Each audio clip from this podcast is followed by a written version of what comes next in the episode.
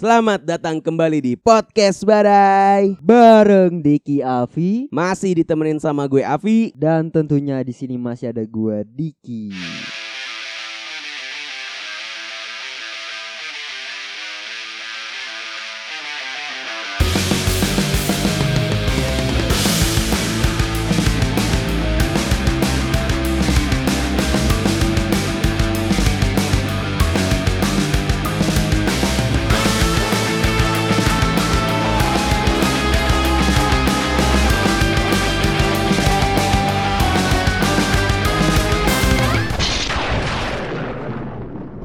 Selamat tahun baru buat teman-teman yang merayakan ya. Yap, betul. Episode perdana kita di tahun 2024 ini Pak ya. Bener banget. Gimana nih Pak di tahun 2024 ini lu punya apa ya kalau kata orang resolusi ya kali ya. Mungkin ada ya, tapi kayaknya cukup dalam hati aja. Dalam hati ya.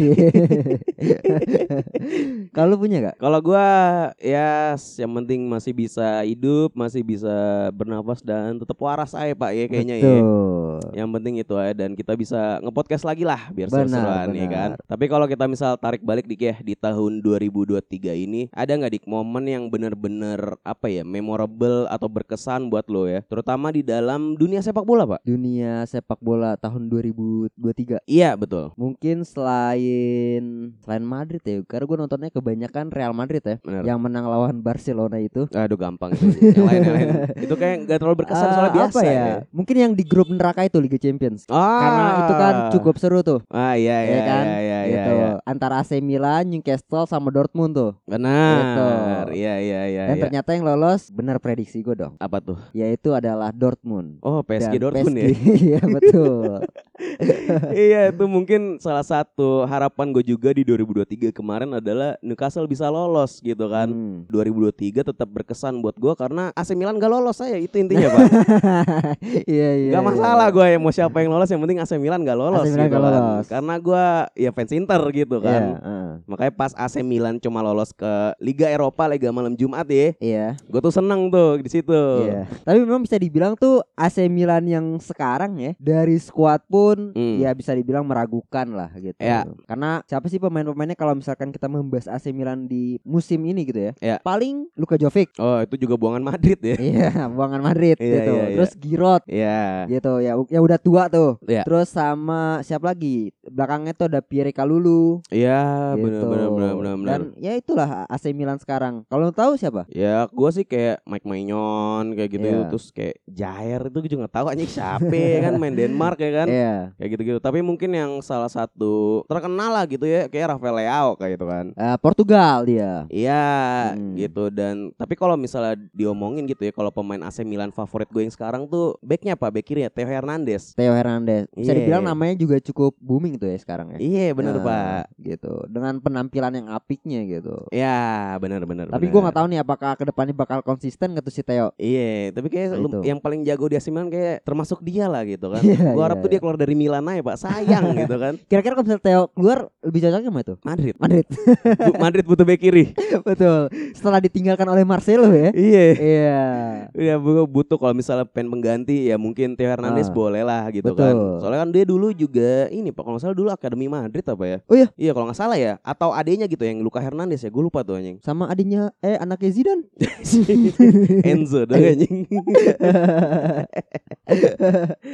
Iya, jadi itu harapan gue kalau bisa dia cabut ya kalau mau cabut ke Madrid gitu ya kan. Iya. Mm-mm. Kayak lu ngarepin apa sih di squad Milan yang sekarang gitu. Iya. Kalau dulu mungkin boleh lah lu dulu main sama Cafu, ya kan? Iya, main sama Ricardo Kakak. Iya, kalau Gitu. dulu-dulu mah keren-keren gitu squadnya ya kan. Mm-mm. Kalau sekarang ya menurut gue ya jauh banget gitu dari nama-nama bintang gitu kan. Betul. Mungkin paling terakhir tuh di zaman zamannya El Sarawi ya. Oh El Sarawi ya. Iya, El Sarawi. benar, benar. Setelah itu ya udah sampai sekarang AC Milan melempem gitu aja. Iya, Gitu. tapi lu inget gak ya, lu kan fans Milan nih ya. AC Milan. Iya, AC Milan gitu ya. Jadi ada Bukan fans, bukan fans. Oh, Suka, iya, bukan. suka. Suka, bener-bener, Bukan bener. Madrid, Dista nih. ya benar benar benar benar. benar. Iya. Ya lu lu kan suka klub AC Milan ya kalau di Italia Iya, ya iya. kan. Lu tau nggak jadi tuh dulu ada pemain yang direkrut sama Milan, pemain muda gara-gara dia tuh dulu jago freestyle gitu pak di YouTube, di sosmed lah. Hmm. Ada dulu tuh namanya tuh Hakim Mastor. Hmm, Ya, lupa lupa inget gue. mungkin di tahun 2015 2016-an lah gitu. Hmm. Ya modelan kayak siapa ya? Kayak lu jago di sosmed aja gitu maksudnya jago gocek-gocek di sosmed, direkrut sama AC Milan, pas dia main debut sama AC Milan, Iya. kurang gitu, Pak. Oh kayak Sen Garnier. Iya gitu. Kayak Jago freestyle gitu kan maksud lo? Iya, benar. Iya kayak gitu. Nah tapi memang ka- kalau misalkan terkadang ya orang yang jago freestyle itu belum tentu jago pemain bola loh pak. Iya, bener ya. gitu. ya. Lu tau nggak ini nama freestyler tuh Remy Gaillard apa siapa gitu ya? Orang Prancis dia. Kayak tahu gue tahu tahu. Ah. Ada dia tuh biasanya kalau mungkin teman-teman juga yang sering nonton gitu di YouTube ya. Kalau freestyle freestyle gitu biasanya ngadu gocek-gocekan sama gawang kecil tuh, Pak. Iya atau enggak main kolong-kolongan biasanya. Iya. Iya.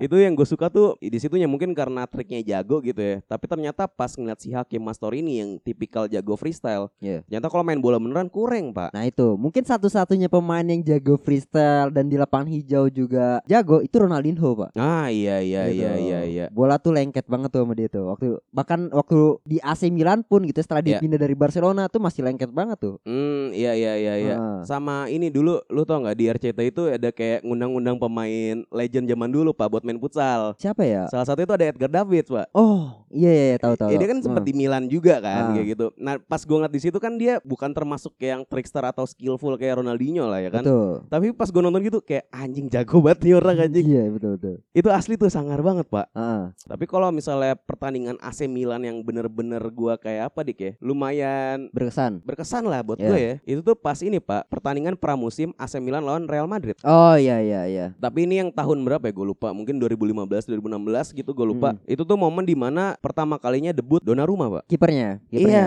kipernya Donnarumma Dan di saat itu posisinya Donnarumma berhasil nepis penaltinya Toni Kroos Wah anjir, langsung naik tuh namanya dong. Umur 17 tahun pak Gokil. Itu tuh benar-benar pertandingan AC Milan yang gue inget banget tuh Karena Ah. kan kalau misalnya pramusim gitu kan ada di Youtube soalnya pak Iya. Makanya gue nonton tuh Itu sampai seri tuh 0-0 Tapi pada akhirnya Madrid yang menang 10-8 adu penalti Iya. Betul. Itu tuh Nah itu juga sebenarnya kan bisa dibilang menjadi sebuah kesenangan tersendiri bagi fans Real Madrid juga seperti kita gitu. Iya. Kalau ditarik lagi juga memang pada saat itu kuat AC Milan juga cukup bagus ya, Iya. dibandingkan eh, sekarang gitu. Iya, benar. Dari segi pemainnya pun juga demikian gitu. Nah kalau misalkan ngomongin AC Milan gitu ya, Ya. gue juga punya pertandingan yang berkesan tuh kalau misalkan nonton AC Milan pak. Yang mana nih pak? Mungkin udah pernah kita bahas juga, Yang mana ya? yaitu pertandingan MU lawan AC Milan pak. Oh MU UCL berarti ya nih ya. UCL, UCL. Itu Hmm. menurut gue sangat berkesan banget. Kenapa menurut gue berkesan? Karena di situ perang bintang, Pak. Iya benar benar benar gitu. benar. Ada Pak Jingsung, ada Iya, iya. Scholes dan segala macam. Iya, itu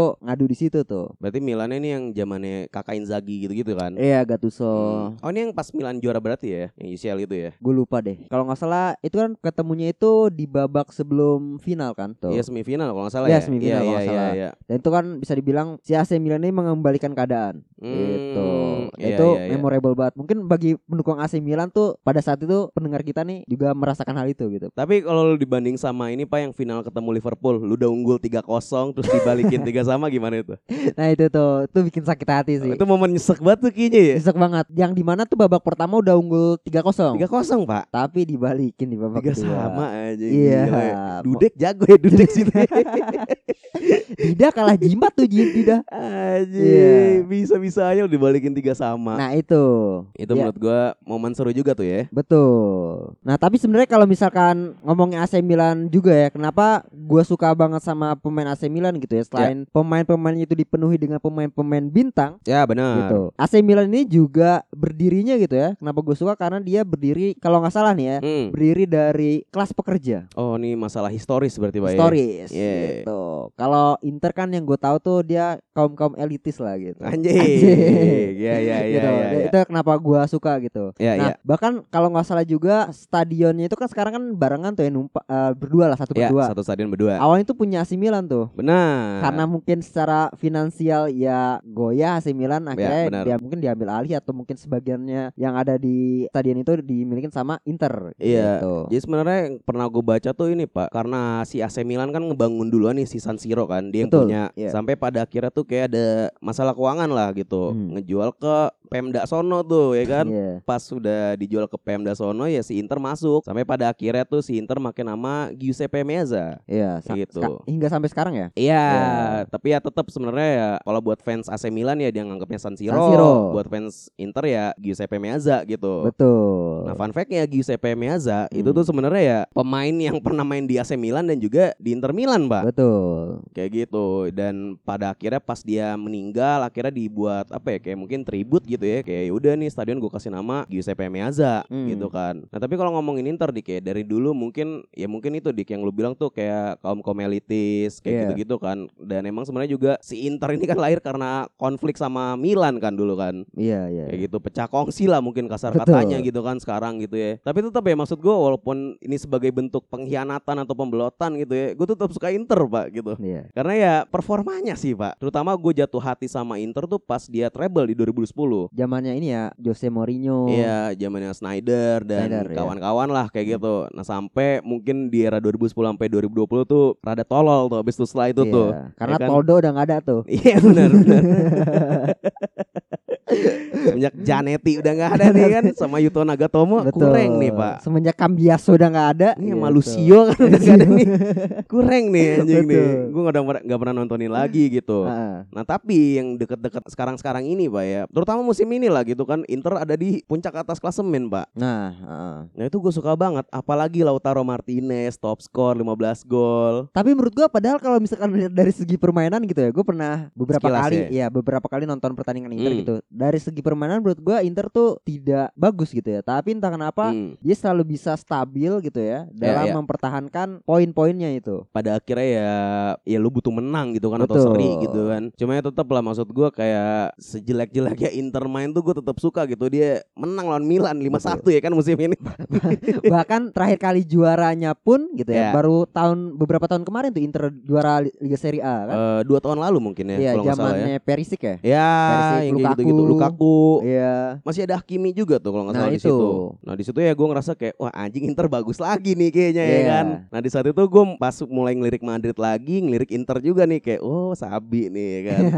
nah di situ pak gue tuh suka di situ. Betul. Nah, terus kalau misalkan tadi kan udah ngomongin ya stadionnya itu kan bisa dibilang dibagi menjadi dua. Iya benar. Nah, hal ini kan juga tentunya berlaku ya kalau misalkan dalam pertandingan El Madonina. Mungkin para pendengar Hmm. yang terima Serie A tahu tuh derby Milan sebutnya El, El Madonina. ini ya gitu. pak Derby della Madonnina. Ya della Madonina Hmm. gitu. Dan itu kan bisa dibilang salah satu derby yang berkesan gitu. Ya. Nah, gue bingung tuh kalau misalkan ada pertandingan AC Milan melawan Inter Milan gitu ya kan. Supporternya otomatis adu koreografi dong. Ya benar gitu. benar benar. Sampai ada keributan gitu ya. Wah nggak tahu ya maksudnya. Tapi kayaknya mungkin kalau apa ya ngadu-ngadu chance kan biasa banget gitu ya. Iya. Tapi kondisi di luar lapangannya gitu yang kita nggak tahu gitu kan. Nah itu Karena kan Italia juga cukup keras, keras gitu ya. juga, Menurut keras tuh juga. salah satu skena sepak bola yang keras tuh Italia juga tuh. Iya iya iya betul betul. Tapi kita nggak tahu maksudnya kondisi di luar lapangannya apakah sampai berantem, tusuk-tusukan Iya. gitu kan. Kalau nggak salah ada sampai kejadian di derby Milan. Hmm. Si Dida itu di ini pak Dengan permakai flare pala eh. Oh ini, iya iya iya iya kan iya, iya ini pas UCL yang ada foto ikonik Rui Costa kan, Iya. Sama si Materazzi. Iya.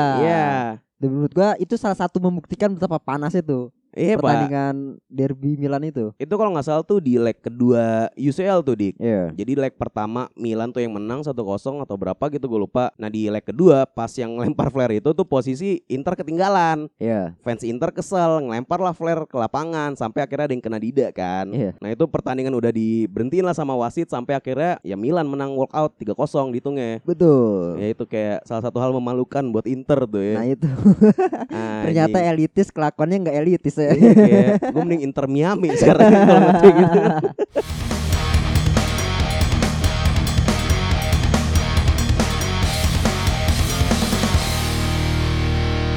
Nah itu kan sebenarnya bisa dibilang pertandingan yang panas gitu ya Ya. Tapi entah kenapa gitu ya, dalam AC Milan dan Inter Milan ini ada Ya. pemain-pemain yang silih berganti itu menjadi pindah klub tuh. Tadinya Ya, ya. pemainnya Inter menjadi pemain AC Milan Atau sebaliknya gitu atau ya. sebaliknya Ya, gitu. ya, ya, ya. Nah, apa nggak takut gitu ya pemain-pemain itu gitu? Kayak misalnya gua ambil Hmm. contoh Ronaldo Nazario. Ya, benar. Gitu, itu kan bisa dibilang salah satu striker fenomena pada masanya. top lah pada Gitu. masanya ya. Betul. Dan itu dia bermain di dua klub tersebut gitu. Iya, atau mungkin kayak Ibra juga sempet kan. Iya. Ibra, Pirlo, Betul. kayak gitu-gitu ya. Makanya gue ngeliat kayak anjing nih orang nih nyali kuat juga kali ya. Mm. Kayak gitu-gitu. Cuma kan tapi kalau misalnya kayak Ronaldo gitu ya, Ronaldo botak. Itu kan konteksnya dia dari Inter ke Madrid dulu baru AC Iya. Milan kan. Mm. Gue lupa kalau Pirlo kayak gimana gitu. Nah gue penasaran kalau misalnya yang bener-bener langsung direct di transfernya. Lu dari Inter langsung ke Milan atau malah sebaliknya dari Milan langsung ke Inter gitu. Tanpa basa-basi ya. Iya kayak Itu gitu-gitu ya dan maksudnya kenapa antar rivalitas antar klub ini tuh kayak biasa aja gitu ya kayak nganggep bisnis biasa aja gitu kan. Iya, Padahal ya di balik itu kan sebenarnya lo ada pride rivalitas tersendiri gitu. betul.